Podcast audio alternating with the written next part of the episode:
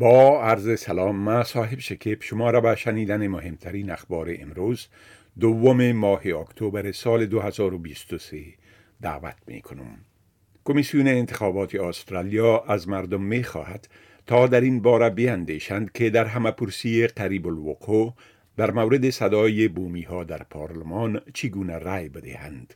ضمنا در حالی که صرف کمتر از دو هفته دیگر روز رسمی همه پرسی باقی مانده رایگیری زود هنگام امروز آغاز گردید. اکنون مردم می توانند تا در مراکز رایگیری زود هنگام در ویکتوریا، استرالیای غربی، تسمینیا و قلمرو شمالی رای بدهند. پس از آنکه یک گزارش جدید کمیسیون رقابت و مصرف کننده های استرالیا معروف به ACCC نشان داد که مخارج مراقبت از اطفال در استرالیا بعضی از بلندترین مخارج این گونه مراقبت در جهان است طرفداران مراقبت از اطفال بهبود دسترسی به این خدمت را تقاضا می کنند. آخرین گزارش سی در مورد مراقبت از اطفال روز یک شنبه اول اکتبر نشر شد.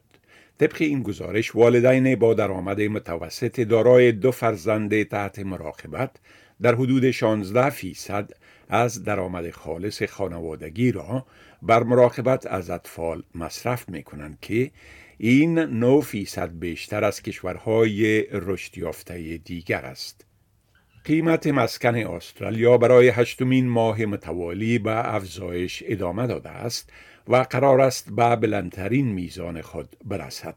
آخرین ارقام نهاد املاک کور لاجیک افزایش 0.8 فیصد را در نرخ مسکن در ماه سپتامبر نشان می دهد که این در حدود 38 هزار دلار بیشتر از حد اوسط قیمت مسکن از ماه جنوری به این سو می باشد. قبل از این میزان افزایش در ماه آگست 0.7 فیصد بود. مقامات آتش نشانی روستایی ویکتوریا یا CFA می گوید که وضعیت وخیم آتش سوزی پس از یک آخر هفته چالش برانگیز برای آتش نشانان ویکتوریا اینک در حال بهتر شدن است. این در حالی است که آتش نشانان به مبارزه با سه آتش سوزی بزرگ در منطقه گپسلند در شرق ویکتوریا ادامه می دهند. مقامات ممنوعیت کامل آتش سوزی را برای منطقه مالی در شمال غرب ایالت ویکتوریا اعلام کردند. شمار از زنان در افغانستان به دلیل ادامه توقیف جولیا پارسی و ندا پروانی دو فعال حقوق زنان توسط طالبان دست و اعتراض زدند. جنبش زنان عدالتخواه افغانستان در اعلامیه گفته است که این دو تن پس از بازداشتشان در اواخر ماه سپتامبر با وجود واکنش های بین المللی هنوز هم در بند طالبان به سر می‌برند.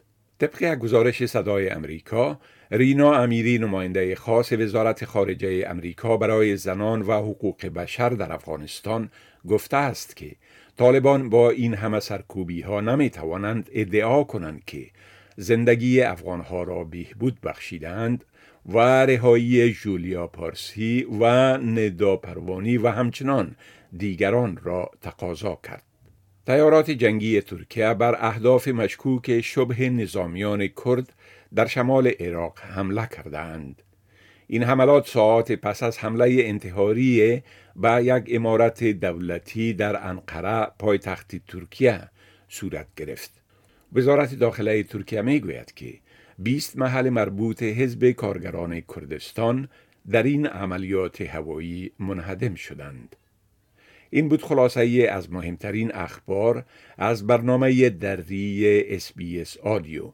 شما می توانید گزارش های بیشتر درباره موضوعات گوناگون را در وبسایت ما با آدرس sbs.com.au دری بشنوید و بخوانید.